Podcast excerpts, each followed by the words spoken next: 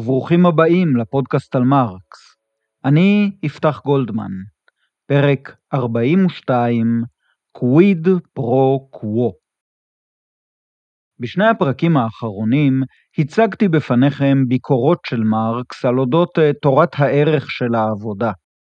ראינו גם את הביקורת של מרקס על השקפות סוציאליסטיות של כמה מבני תקופתו אשר ביקשו לכונן את העולם החופשי והצודק על מסדה של תורת הערך של העבודה, לקבוע את חליפי הסחורות על פי העיקרון שכל שעת עבודה חברתית מועילה שווה לכל שעת עבודה אחרת, ולקיים את שנאמר בספר ויקרא, מאזני צדק, אבני צדק, אפת צדק והין צדק, יהיה לכם אני אדוני אלוהיכם, אשר הוצאתי אתכם מארץ מצרים.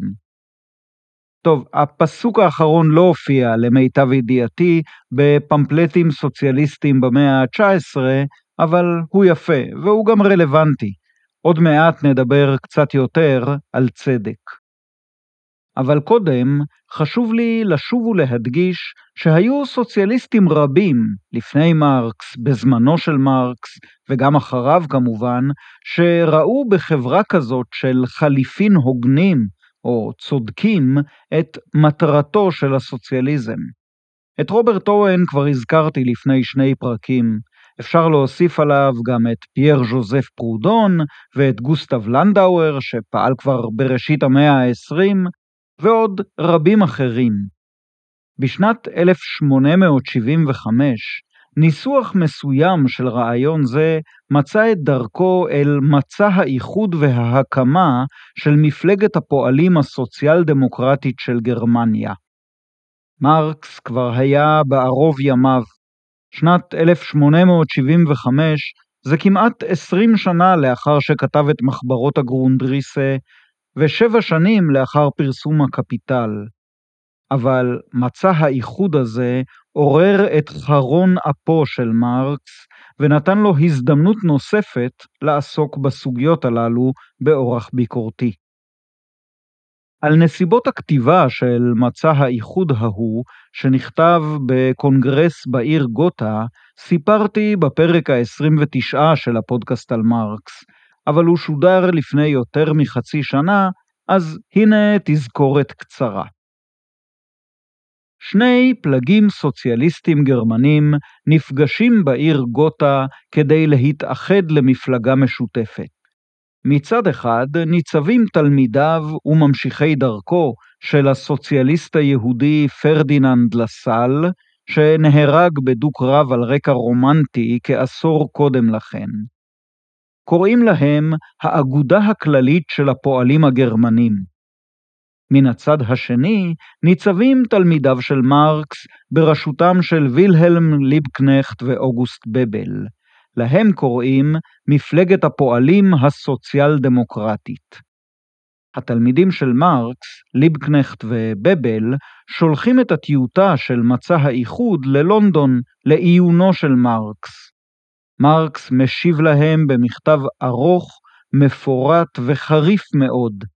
במילים פשוטות, הוא קוטל את הטקסט.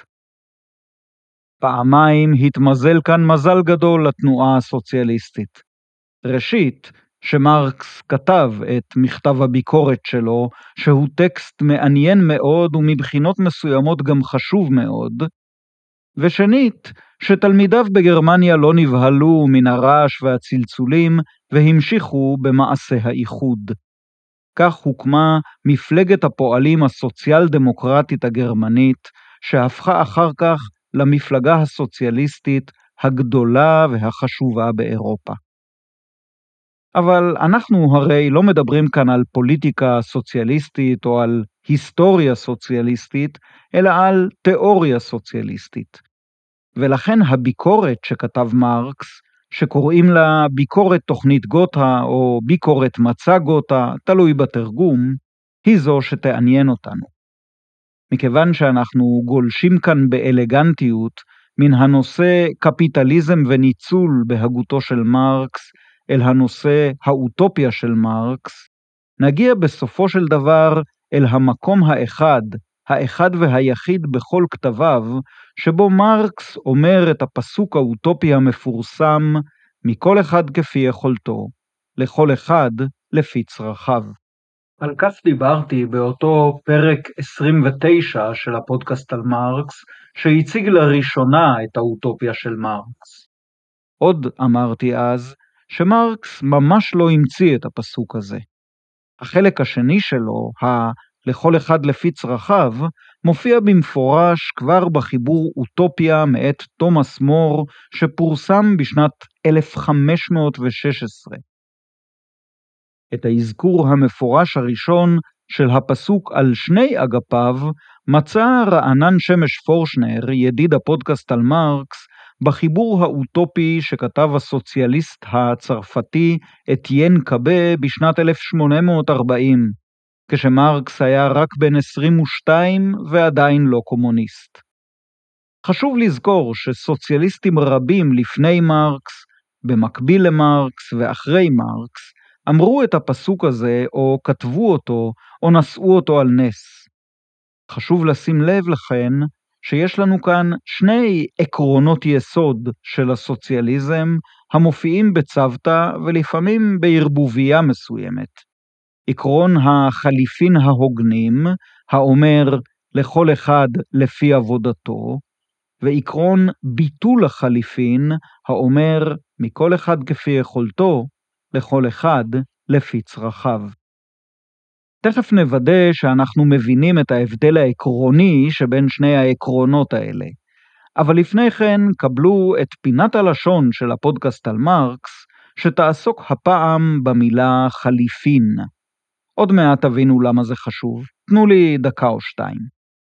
במילון אבן שושן הישן שלי כתוב שחליפין או חליפים פירושו המרת דבר בדבר, או שהוא הדבר הניתן תמורת דבר אחר. ידידתי, האקדמיה ללשון העברית מדייקת אף יותר, ואומרת שחליפין זה החלפת דבר בדבר שווה ערך לו. כך גם משמשת המילה בצירוף המפורסם סחר חליפין.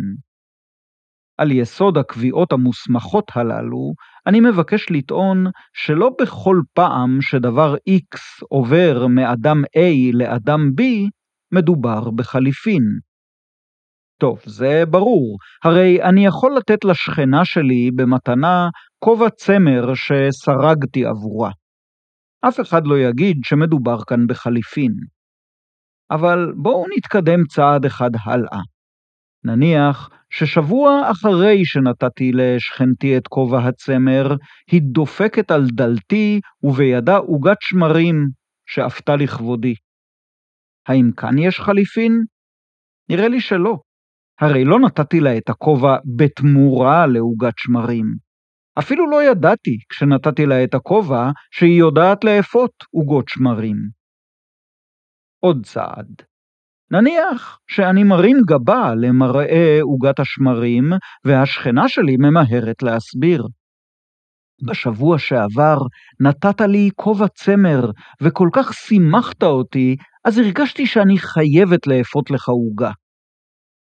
אז אולי עכשיו נאמר שמבחינתי לא היו כאן חליפין, אבל מבחינתה כן, כי היא נתנה לי את העוגה בתמורה לכובע? לדעתי לא. לדעתי אין כאן חליפין. יש כאן הדדיות, ואולי גם תחושת חובה המתלווה להדדיות. הדדיות מחייבת כזאת היא לא דבר חדש, היא הייתה נהוגה בחברות עתיקות רבות בימי קדם. היא באה לידי ביטוי במצוות הכנסת האורחים למשל. יחידים ומשפחות בעת העתיקה היו קשורים ביניהם במצווה הדדית כזאת. ההדדיות הייתה כה מהותית לעניין, עד שאותה המילה עצמה ציינה את שני הצדדים שבקשר ההדדי. אם נניח אריוס וזיגפריד היו קשורים ביניהם בברית כזאת, אז אם הם היו נפגשים בכפר או בשבט של אריוס, אז הוא היה המארח וזיגפריד האורח. ואם היו נפגשים אצל זיגפריד, המצב היה הפוך. אבל למארח ולאורח קראו באותה מילה. איך אני יודע? משום שעד עצם היום הזה, השפה האנגלית משמרת את הדמיון במילים המצביע על זהות המקור. הקשיבו למילים host ו-guest, ותזהו את מקורן המשותף. המקור הזה הוא המילה ghost, שפירושה המקורי היה גם אורח וגם מארח. כן, וגם רוח או רוח רפאים. בימי קדם רוח הייתה פשוט אורח שקפץ לביקור, אולי לא תמיד אורח רצוי. זה הרגע לתפוס את הדיון בקרניו ולהחזיר אותו אל נושא החליפין. ובכן, זיגפריד מארח את אריוס, אריוס מארח את זיגפריד. יש ביניהם הדדיות, והם מעבירים ביניהם מוצרים, לחם, דבש וחלב נניח, וגם שירותים, שירותי אירוח. אך האם הם מקיימים חליפין? לדעתי לא. כל חליפין הם העברה הדדית, אבל לא כל העברה הדדית היא חליפין. למיטב שיפוטי, חליפין של ממש מתקיימים רק בתנאים הבאים. א', הדבר X שאותו נותן צד א' לצד ב' הוא דבר ספציפי, מוגדר היטב, בדרך כלל אפילו מדוד בזמן או במשקל או בנפח. ב. גם הדבר y שנותן צד ב' לצד א' הוא ספציפי ומוגדר באותו אופן. ג. מוסכם בין שני הצדדים שהדבר y ניתן בתמורה לדבר x ולהפך. ד. כוונתו המדויקת והמפורשת של צד א' במעשה המסירה של X הייתה לקבל את Y, ובאופן דומה, כוונתו המדויקת והמפורשת של צד ב' במעשה המסירה של Y הייתה לקבל את X. זה מה שקורה למשל במכולת, כשאני ובעלת המכולת מחליפים בינינו קרטון חלב בשבעה שקלים. המוכרת היא אישה נחמדה ואדיבה מאוד, אבל היא לא נותנת לי את הקרטון סתם כך במתנה. היא מתכוונת לקבל בעבורו שבעה שקלים. ואני נותן לה שבעה שקלים לא משום שאנחנו חברים טובים, אלא משום שאני רוצה ליטר חלב בקרטון. בלטינית יש לזה ביטוי קצר ונחמד בין שלוש מילים ושלוש הברות.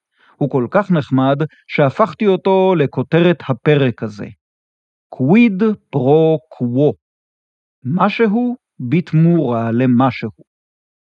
ובכן, רוב התנאים של הקוויד פרו קוו, ואולי כולם, אינם מתקיימים ביחסי האירוח ההדדי של אריוס וזיגפריד.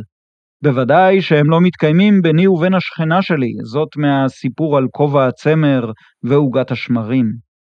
ולכן, למיטב הבנתי, במקרים הללו לא מתקיימים חליפין. מוצרים אולי החליפו ידיים, אבל בעלי המוצרים שהעבירו אותם מיד ליד, לא החליפו אותם זה בזה. עכשיו אפשר לסיים את פינת הלשון ולחזור סוף סוף אל עקרונות הסוציאליזם. אני חושב שבחברה המתנהלת על פי העיקרון מכל אחד כפי יכולתו, לכל אחד לפי צרכיו, לא מתקיימים חליפין. למרות שבלי ספק מוצרים וערכי שימוש עוברים כל הזמן מאדם לאדם ובין כל בני החברה. אבל בשום שלב לא מתקיים שם ה-quid pro quo, המשהו בתמורה למשהו. ולכן אין כאן חליפין. כך חשבתי כבר בימים שבהם שקדתי על עבודת הדוקטורט שלי. המנחה שלי, פרופסור צביקה טאובר, הציע לי לכתוב שבמקרה כזה לא מתקיימים חליפין סחורתיים. אני חשבתי שחליפין סחורתיים זה כמו להגיד משולש עם שלוש צלעות, או רווק לא נשוי.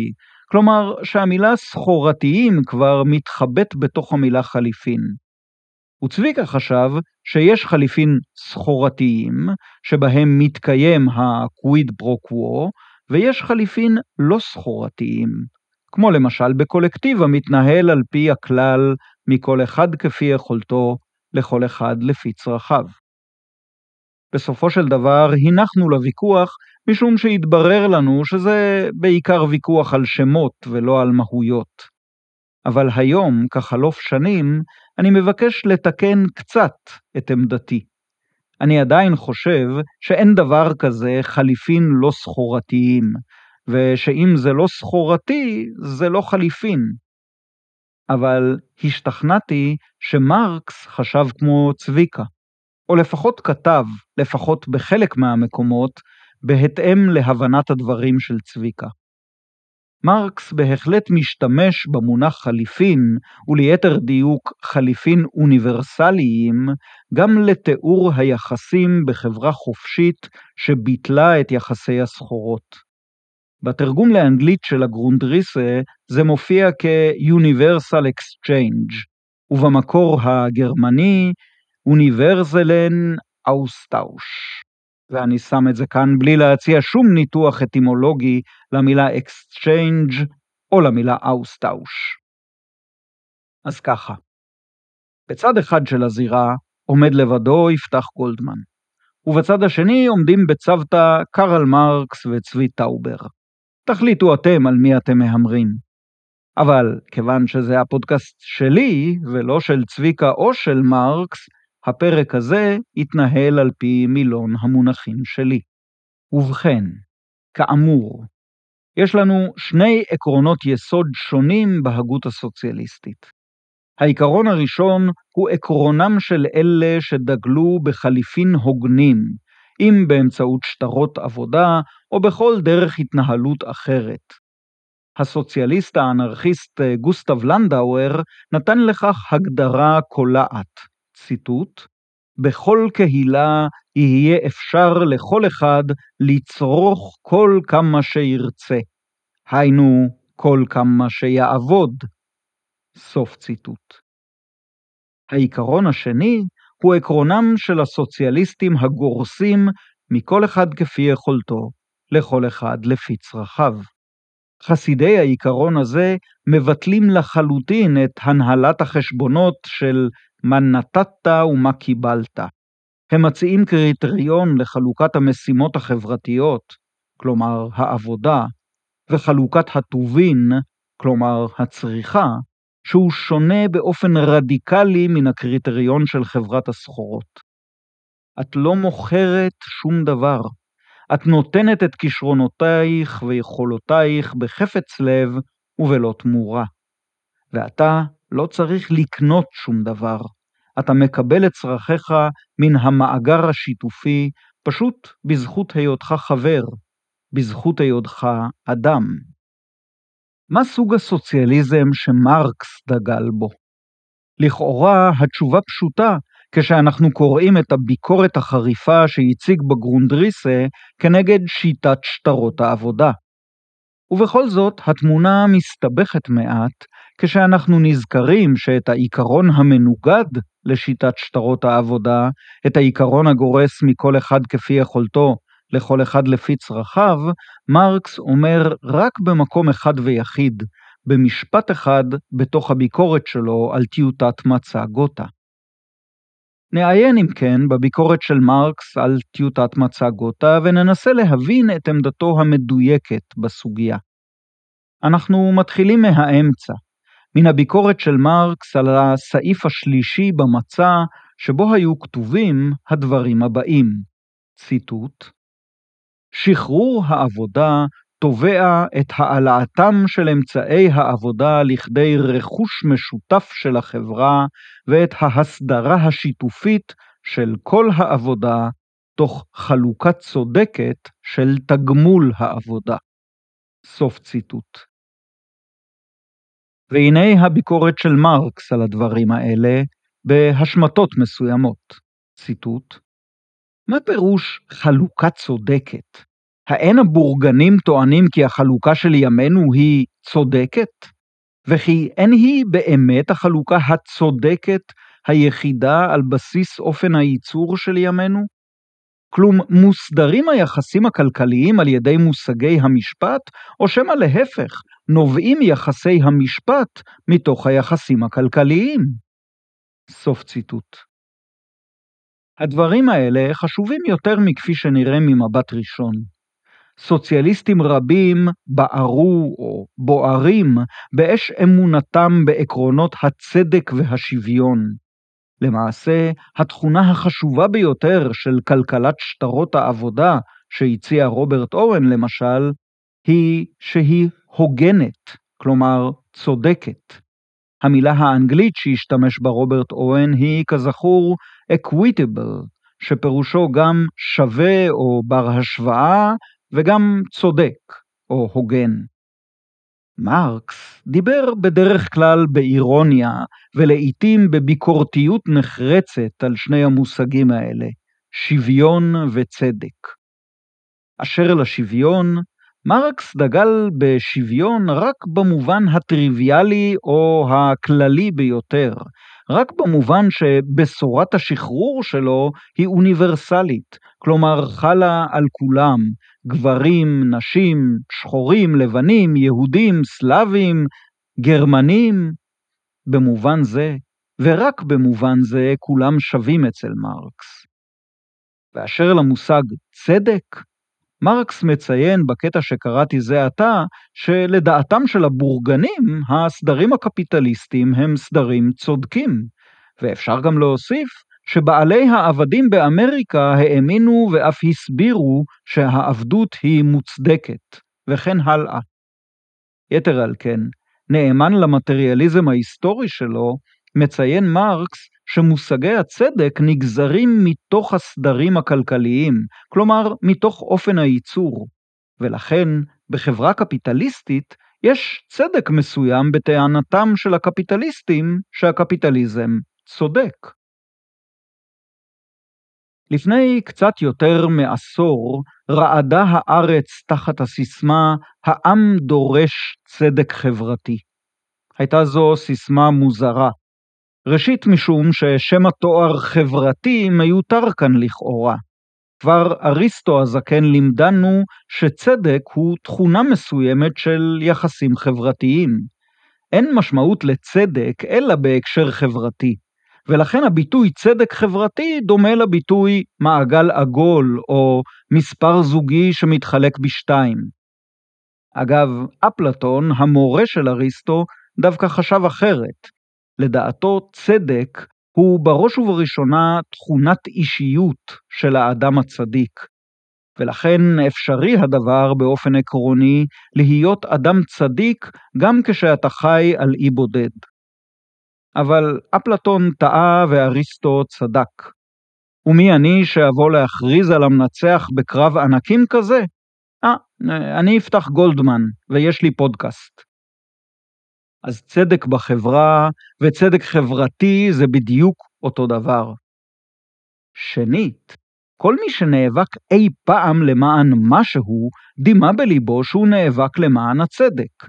אני לא מכיר אף תנועה פוליטית בהיסטוריה שהכריזה שתכלית מאבקה הוא העוול החברתי, או העוול בכלל. מכאן שבפסוק העם דורש צדק חברתי, שתיים מתוך ארבע המילים מיותרות. אין הבדל אמיתי בין הסיסמה העם דורש צדק חברתי לבין הסיסמה העם דורש. אבל מה העם דורש? מה הוא באמת דורש? זו כמובן לא שאלה שבעל הפודקאסט על מרקס יכול להשיב עליה. הוא יכול רק לומר שמרקס היה ממליץ לעם לדרוש את חירותו, וגם מציע לעם להזכיר שוב ושוב לעצמו ולמדכאיו שחירות בהקשר מודרני תלויה לשם הגשמתה בביטול הבעלות הפרטית על אמצעי הייצור. נחזור אל הטקסט של ביקורת תוכנית גותה. כדי לפענח מהו הדבר שסעיף 3 במצע מדבר עליו כשהוא מדבר על חלוקה צודקת, מרקס מציע לנו לעיין בסעיף הראשון במצע. שם כתוב כך, ציטוט: תגמול העבודה הבלתי מקוצץ שייך בזכות שווה לכל בני החברה. סוף ציטוט. ראשית, מרקס מראה שמשפט זה מכיל סתירה פנימית. הרי יש חלק מבני החברה שאינם עובדים, נניח חולים, קשישים או מקרים סוציאליים. ובכן, אם הם לא עובדים, ובכל זאת החברה מקיימת אותם, משמע שאלה שעובדים מקבלים תגמול מקוצץ. תגמול שקוצצה ממנו ההוצאה למחייתם של אלה שאינם עובדים. אם, לעומת זאת, אלה שאינם עובדים לא זכאים ליהנות מן השפע החברתי, הרי שאי אפשר לומר שהשפע שיוצר את העבודה שייך בזכות שווה לכל בני החברה. אבל כנראה גם מרקס מבין שזה עלול להיראות כדקדוק בקטנות, ולכן הוא מציע לנסות ולחקור כיצד תחולק התוצרת בחברה זו שהתגברה על הקפיטליזם ועל הניצול. וכך הוא אומר, ציטוט: תגמול העבודה השיתופי יהא סך כל התוצרת החברתית. מזה יש לנקות, ראשית, כיסוי להחלפת אמצעי הייצור שנתבלו. שנית, חלק נוסף להרחבת הייצור. שלישית, קרן שמורה או קרן ביטוח מפני תאונות, הפרעות שמחמת פגעי טבע וכדומה. ניכויים אלה מתגמול העבודה הבלתי מקוצץ הם הכרח כלכלי, ושיעורם צריך להיקבע על פי האמצעים והאפשרויות שבעין. בחלקם לפי חישובי הסתברות, אך בשום פנים אי אפשר לחשבם לפי הצדק. נותר החלק השני של סך כל התוצרת, שנועד לשמש כאמצעי צריכה. בטרם החלוקה האינדיבידואלית, שוב ינוכו ממנו ראשית הוצאות ההנהלה הכלליות, שאינן שייכות לייצור, חלק זה יצומצם מלכתחילה צמצום ניכר ביותר בהשוואה לחברה הקיימת, ואף יפחת וילך כמידת התפתחותה של החברה החדשה. שנית, כל מה שנועד לסיפוק משותף של צרכים, כגון בתי ספר, שירותי בריאות וכדומה, חלק זה יגדל מלכתחילה, גידול ניכר בהשוואה לחברה הקיימת, ואף יעלה כמידת התפתחותה של החברה החדשה. שלישית, קרן לשאינם כשירים לעבודה וכדומה. בקיצור, כל הכלול כיום במה שמתקרא עזרה סוציאלית רשמית. ורק עכשיו הננו מגיעים לחלוקה. ועליה בלבד נותן המצע בצרות המוחין שלו את דעתו. כלומר, הננו מגיעים אל אותו החלק של אמצעי הצריכה, המתחלק בין היצרנים הבודדים של השותפות. תגמול העבודה הבלתי מקוצץ כבר נהפך כלאחר יד למקוצץ. אף על פי שכל מה שנשמט מידי היצרן בתורת איש פרטי, בא לידו, אם במישרין ואם בעקיפין, בתורת בן החברה. סוף ציטוט. אגב, המילה חברה עלולה לבלבל, משום שיש לה בעברית שתי משמעויות. אז בואו נסכם שבכל מקום שאני או מרקס אומרים בפרק הזה חברה, אנחנו מתכוונים ל-society, לא ל-company. טוב, האמת שגם זה עשוי לבלבל, משום שהמילה company באנגלית יש לה בדיוק אותן שתי משמעויות כמו למילה חברה בעברית. אז ננסה שוב. בכל פעם שאנחנו אומרים כאן חברה, אנחנו לא מתכוונים לתאגיד עסקי, אלא לדבר השני, כלומר למכלול היחסים הבין-אישיים, הקבוצתיים והבין-קבוצתיים בציבור כולו. כמו בביטויים החברה האנושית, או החברה הישראלית, או החברה החופשית, נניח. ובכן, בקטע שקראתי, מרקס מפתח הלאה את הניגודיות האינהרנטית שבין האדם כפועל, במובן הצר ביותר, בעל האינטרס הצרכני הצר ביותר, לבין האדם כבן החברה, השותף לאינטרס הכללי. ברור שגם הפועל צר האופק ביותר לא ירצה לכלות את הייצור עצמו, את מטה לחמו. מן התגמול המלא על שעות עבודתו, הוא יסכים מן הסתם לנקות את מה שנחוץ לשם חידוש והחלפה של אמצעי הייצור שנתבלו. כמו כן, בחברה הקומוניסטית החדשה שתתהווה, יהיה צורך אקוטי להרחיב את הייצור. זו נקודה חשובה מאוד, המופיעה אצל מרקס בכמה מקומות. גם במניפסט הקומוניסטי הוא מציין שאחת המשימות הראשונות והדחופות ביותר של הממשלה המהפכנית תהיה הרחבת הייצור. דבר זה מסתבר מן העובדה הפשוטה שהכלכלה של המאה ה-19, גם במדינות המפותחות ביותר, כמו בריטניה, הייתה כלכלה של מחסור, מחסור חמור. כלכלה שהותירה אין ספור אנשים מקרב המעמדות הנמוכים בעוני ובדלות קיצוניים, שפגעו קשות בבריאותם, ברווחתם, ואף בחייהם ובחיי ילדיהם. המשימה הראשונה היא אפוא להאכיל את כולם לשובע ולהלביש את כולם בבגדים הולמים, ובשביל זה צריך להגדיל את הייצור. זוהי גם אחת הנקודות החשובות שבהן אנחנו, במאה ה-21, צריכים לבדוק שמא נחוץ לעדכן כאן את המרקסיזם. נדמה שהבעיה האקוטית של תקופתנו איננה המחסור, אלא ייצור היתר המאיים לכלות את משאבי כדור הארץ.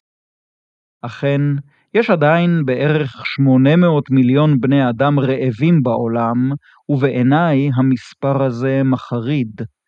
אבל הרעב לא נובע ממחסור בייצור מזון.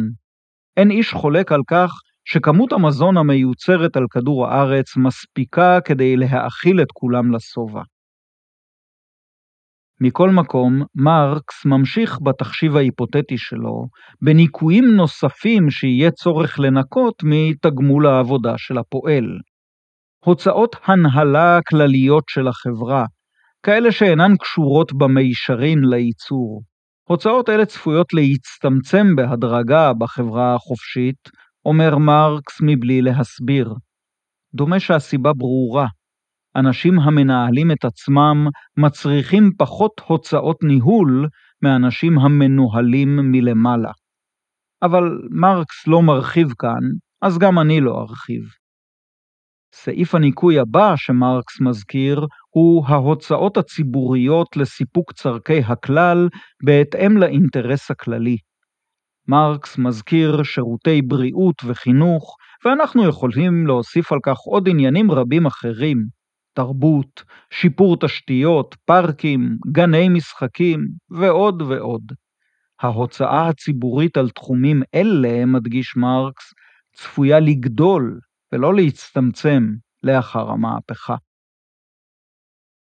וכאמור, יהיה גם צורך לנקות מתגמול העבודה של העובד איזה סכום של מס חברתי אשר יוקצה למענם של אלה שאינם כשירים לעבודה. רק לאחר כל הניכויים הללו יוכל העובד באותה חברה היפותטית לקבל את תגמול העבודה שלו, הבלתי מקוצץ לכאורה, אך המקוצץ למעשה.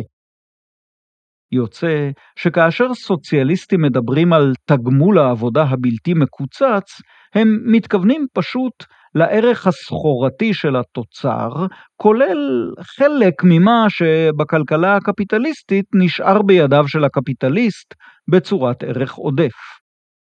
מוטב אפוא, לדעת מרקס, לקרוא לדברים בשמם המדויק ולא לעסוק בפרזיולוגיה ריקה.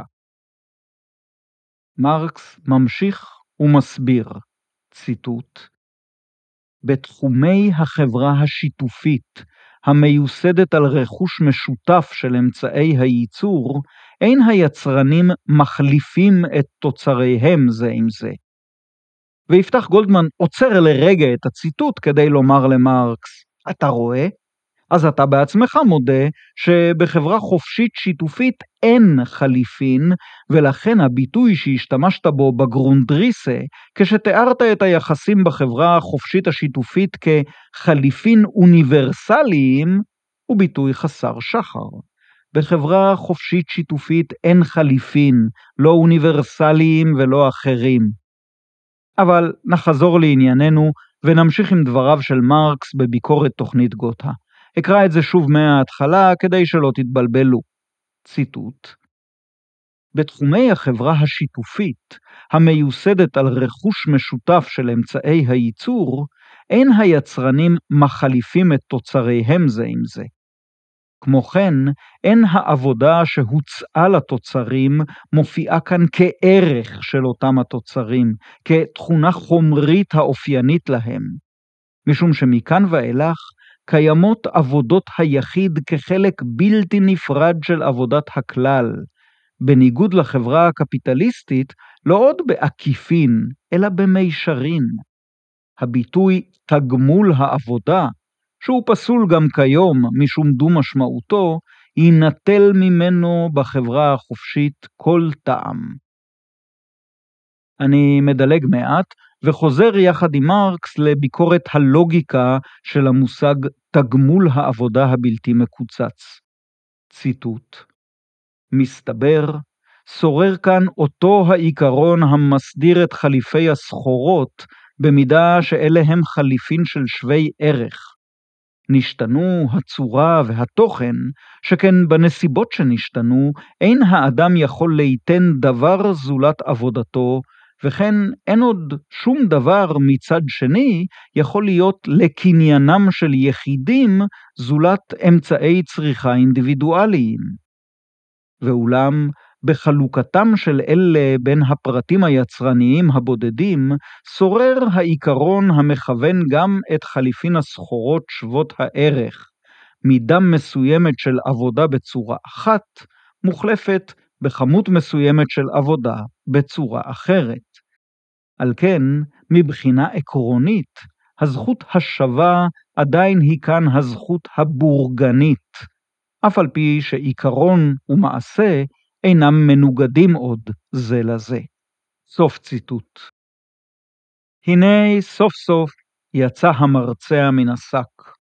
זה לנו כבר הפרק השלישי שאנחנו בוחנים מכיוונים שונים את הגיונה של חברת שטרות העבודה, וכעת מרקס מעמיד אותנו על כך שחברה כזאת לא תהיה נסיקה אל מעבר לאופק של המחשבה הבורגנית והפרקטיקה הבורגנית, אלא תהיה בעצם הגשמה מלאה של האידיאולוגיה הבורגנית.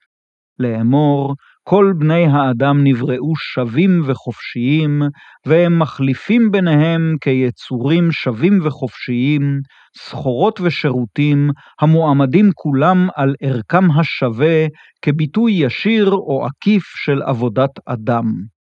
הרי לכם במלוא תפארתם שלושת ערכיה של המהפכה הצרפתית, שוויון, חירות ואחווה. או בעצם אחווה הרי אין כאן, אחווה פירושה התייחסות אל אדם אחר כאילו היה אחי שלי. ועם אח שלי אני לא מחליף סחורות ושירותים, אתם יכולים לשאול אותו. אז לא אחווה, אבל חירות ושוויון בהחלט. ובמקום אחר, בקפיטל, מרקס כותב באירוניה מושחזת, חירות, שוויון, קניין ובנתם. מה זה בנטם? בנטם זה לא מה זה, אלא מי זה. ג'רמי בנטם היה הפילוסוף הגדול של התועלתנות, אבל מרקס מזכיר אותו כאן בהקשר ספציפי עוד יותר, לאמור כי נציגו של העיקרון שעל פיו כל אחד ואחד מבני החברה דואג או ראוי שידאג לאינטרס הפרטי הצר ביותר שלו. ומתוך משא ומתן זה של יצורים אגואיסטיים אך רציונליים בתכלית, יתהווה סדר חברתי שהוא הטוב שבסדרים החברתיים האפשריים. צירפתי כאן את הדברים מן הקפיטל אל הדברים של מרקס בביקורת תוכנית גותה, בעיקר כדי להמחיש עניין אחד עד תום. חברת חליפי העבודה או שטרות העבודה תהיה בוודאי חברה צודקת יותר מזו שלנו. לאמיתו של דבר, היא תהיה חברה צודקת יותר גם על פי אמות המידה העקרוניות של האידיאולוגיה הבורגנית עצמה. אבל זה כל מה שהיא תהיה. צדק בורגני. אולי אפילו צדק חברתי, אבל לא סוציאליזם ולא קומוניזם. אין כאן ביטול רדיקלי של יחסי הסחורות, או היחסים הסחורתיים, או ה quid pro quo. והנה עוד סיוע להגיונו של מרקס ממקור בלתי צפוי, מן החיבור כיבוש הלחם מאת הקומוניסט האנרכיסט הדגול פיוטר קרופוטקין. ציטוט ביום בו יפלו מוסדות העבר תחת הגרזן הפרולטרי, יקראו הקולות. הבה נתחיל בכך שנשכך את צמאוננו לחיים, לאושר, לחירות, צמאון שאותו מעולם לא הרווינו. ולכשנטעם מן השמחה הזו, ניגש לעבודה ונעקור את השרידים האחרונים של שלטון הבורגנות, את מוסריותו הנלמדת מפנקסי החשבונות, את פילוסופיית האשראי ושטרי החוב שלו, את מוסדות ה"שלי שלך" שביסודו.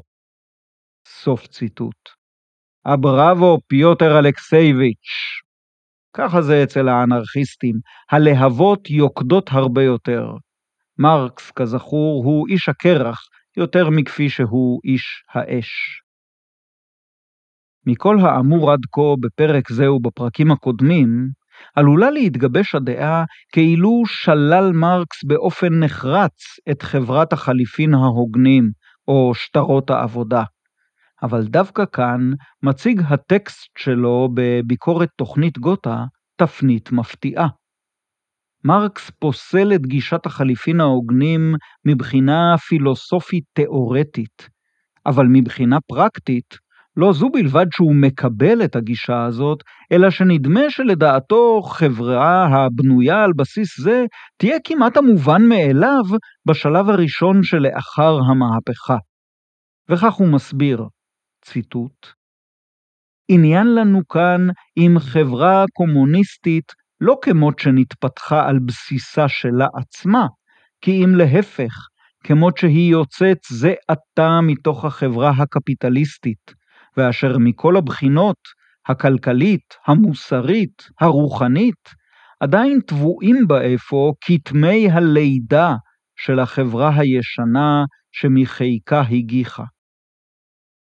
וכעבור כמה פסקאות שבהן פירט מרקס עוד כמה מן הכשלים של שיטת החליפין ההוגנים או שטרות העבודה, מרקס מסכם את העניין כך: ואולם, ליקויים אלה אין להימנע מהם בשלב הראשון של החברה הקומוניסטית, כמות שהיא יוצאת זה עתה מתוך החברה הקפיטליסטית לאחר חבלי לידה ממושכים.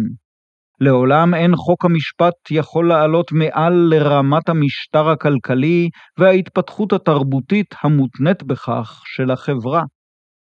סוף ציטוט.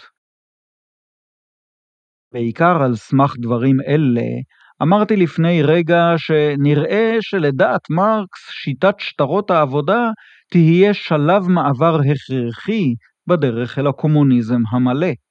מעין משטר כלאיים שיבוא לאחר המהפכה הפוליטית, אבל ייעלם בהמשך הדרך ככל שהחברה החדשה תכונן את הבסיס החומרי, החברתי, הכלכלי, הפוליטי והרוחני להגשמה מלאה יותר של חירות האדם.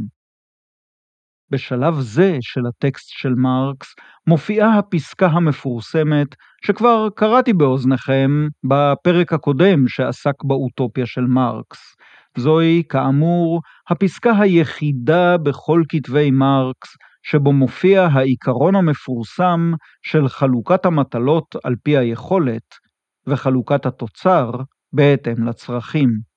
לאמור, ציטוט, בשלב גבוה יותר של החברה הקומוניסטית, לאחר שתיעלם הכפיפות המשעבדת של היחידים לחלוקת העבודה, לאחר שיעלם יחד עם זה הניגוד בין עבודה רוחנית לגופנית, לאחר שהעבודה לא תהא רק אמצעי למחיה, אלא תעשה היא גופה צורך החיים הראשון, לאחר שיגדלו כוחות הייצור עם ההתפתחות הכל צדדית של היחידים, ולאחר שכל מעיינות העושר הקולקטיבי יפקו במלוא השפע, אז, רק אז, אפשר יהיה לחרוג כליל מאופקיו הצרים של חוק המשפט הבורגני, והחברה תוכל לחרות על דגלה מכל אדם לפי כישרונותיו, לכל אדם לפי צרכיו.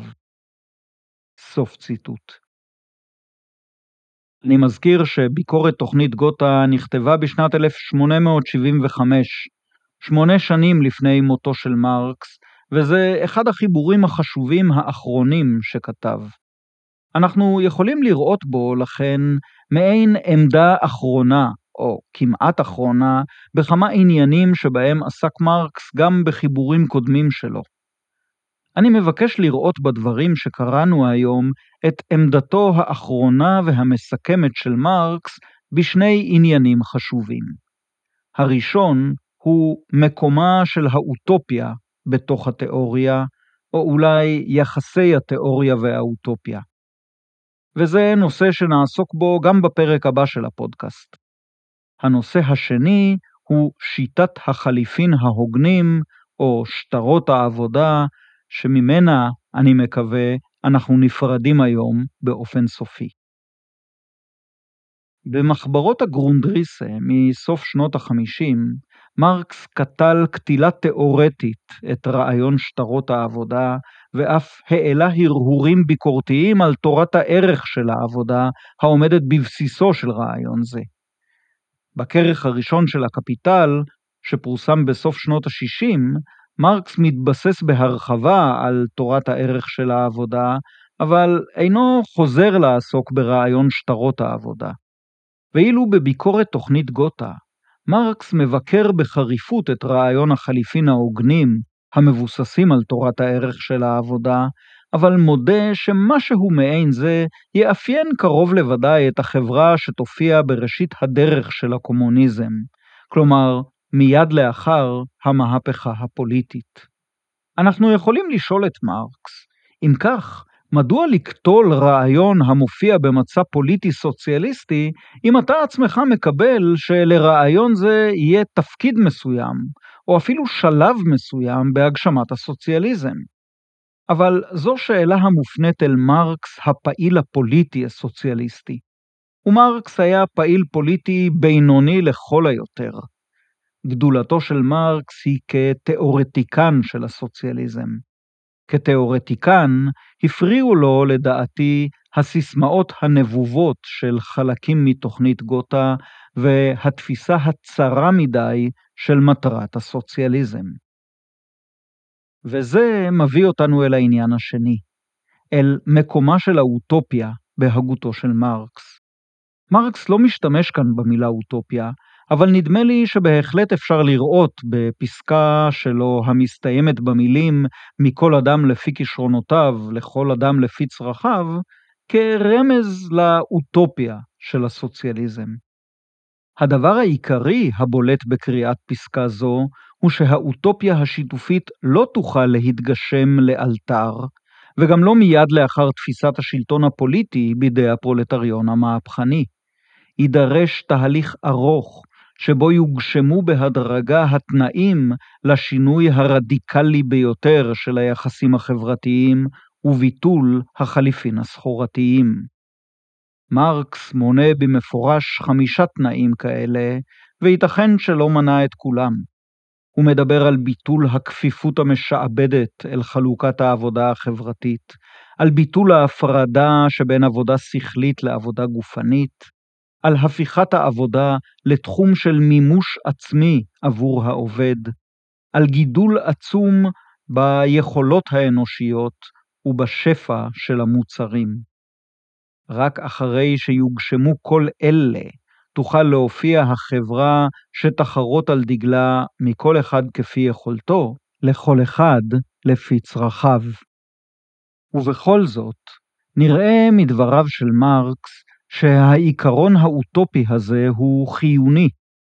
הסוציאליסטים החותרים לתיקון החברה צריכים להחזיק אותו כל הזמן במחשבתם, שאם לא כן, הם עלולים לאבד את הדרך, לטעות ולראות בתיקונים חלקיים או בהתגברות מסוימת על מאפיינים מסוימים של הקפיטליזם כהגשמה מלאה של מטרת השחרור. עלינו להביא בחשבון גם אפשרות נוספת, והיא ששאלת אופן החלוקה של המשימות החברתיות והתוצרים החברתיים הייתה בעיני מרקס עניין שולי יחסית. לדעתו, אופן החלוקה בכל תקופה היסטורית נקבע ומתעצב על ידי אופן הייצור. אולי המקום הברור ביותר שבו מרקס מסביר עניין זה הוא בדיוק הטקסט שלפנינו, ביקורת תוכנית גותה. לאחר שמרקס מסיים לפרק לגורמים את אידיאל תגמול העבודה הבלתי מקוצץ, את החליפין ההוגנים ואת החלוקה הצודקת, הוא כותב כך, ציטוט: וחוץ מן הדברים שפיתחתי כאן, היה זה משגה לעשות לעיקר גדול את זה המתקרא חלוקה, ולהטיל בה את הדגש הגדול. חלוקת אמצעי הצריכה איננה בכל עת אלא תוצאה של חלוקת אמצעי הייצור עצמם, ואולם חלוקה זו הינה תכונה אופיינית של אופן הייצור עצמו. אופן הייצור הקפיטליסטי מבוסס למשל על כך שאמצעי הייצור הממשיים הם מנת חלקם של אלה שאינם עובדים, מנת חלקם בצורת רכוש של הון ורכוש קרקעי. בעוד שההמון איננו אלא בעליו של אמצעי הייצור האישי, של כוח העבודה. לאחר שחולקו יסודות הייצור בצורה כזאת, מסתברת מאליה חלוקת אמצעי הצריכה שבימינו. בעת שאמצעי הייצור הממשיים יהיו רכושם השיתופי של הפועלים עצמם, ממילא תהא חלוקת אמצעי הצריכה שונה מזו הנהוגה כיום. הסוציאליזם הוולגרי קיבל מן הכלכלנים הבורגנים לראות את החלוקה כבלתי תלויה באופן הייצור ולדון בה כך. על כן תיארו את הסוציאליזם כאילו עיקר עניינו הוא החלוקה. מאחר שהבהרנו מזמן את יחס הדברים הממשי, מה טעם ניסוג שוב אחורה? סוף ציטוט. רק סוציאליזם וולגרי עושה עניין גדול מן החלוקה של התוצר או של העושר. סוציאליזם מפותח ובוגר, על פי מרקס, מדגיש דווקא את שאלת הבעלות על אמצעי הייצור. אני נזכר בדברים האלה של מרקס בכל פעם שמישהו, ולעיתים קרובות גם מישהו המזדהה כסוציאליסט, ולפעמים אפילו אני עצמי, מרים קול זעקה ומקונן על פערי ההכנסות, על הגידול בממדי העוני, על הקפיטליזם החזירי וכן הלאה.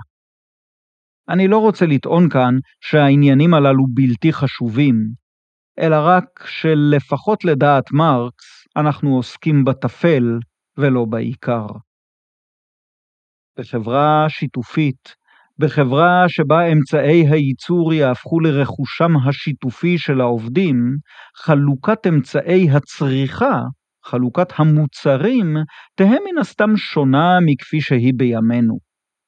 אבל איך שונה? מרקס כמעט לא מדבר על כך.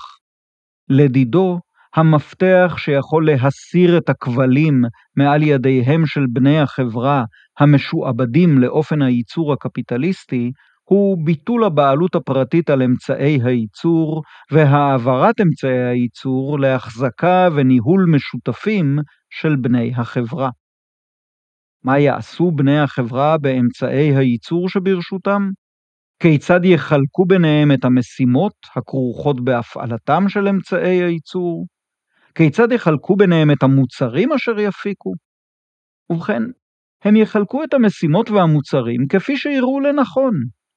כל אמירה נוספת בעניין זה צריך לאומרה בזהירות רבה. יש להישמר מפני האשליות הפנטסטיות ומפני הדוגמטיות גם יחד. עד כאן הפודקאסט על מרקס להיום. בפרק הבא, שככל הנראה יהיה גם פרק סיום העונה, נישאר בסביבה הרעיונית של הדברים שעליהם דיברתי עכשיו. אבל נחזור אחורה עד למניפסט הקומוניסטי, ונעסוק בביקורת של מרקס על הסוציאליזם האוטופיסטי. תודה ליאיר סיטבון על המוזיקה. תודה ללירן גולדשמיט על עריכת הסאונד. תודה לכם שהאזנתם.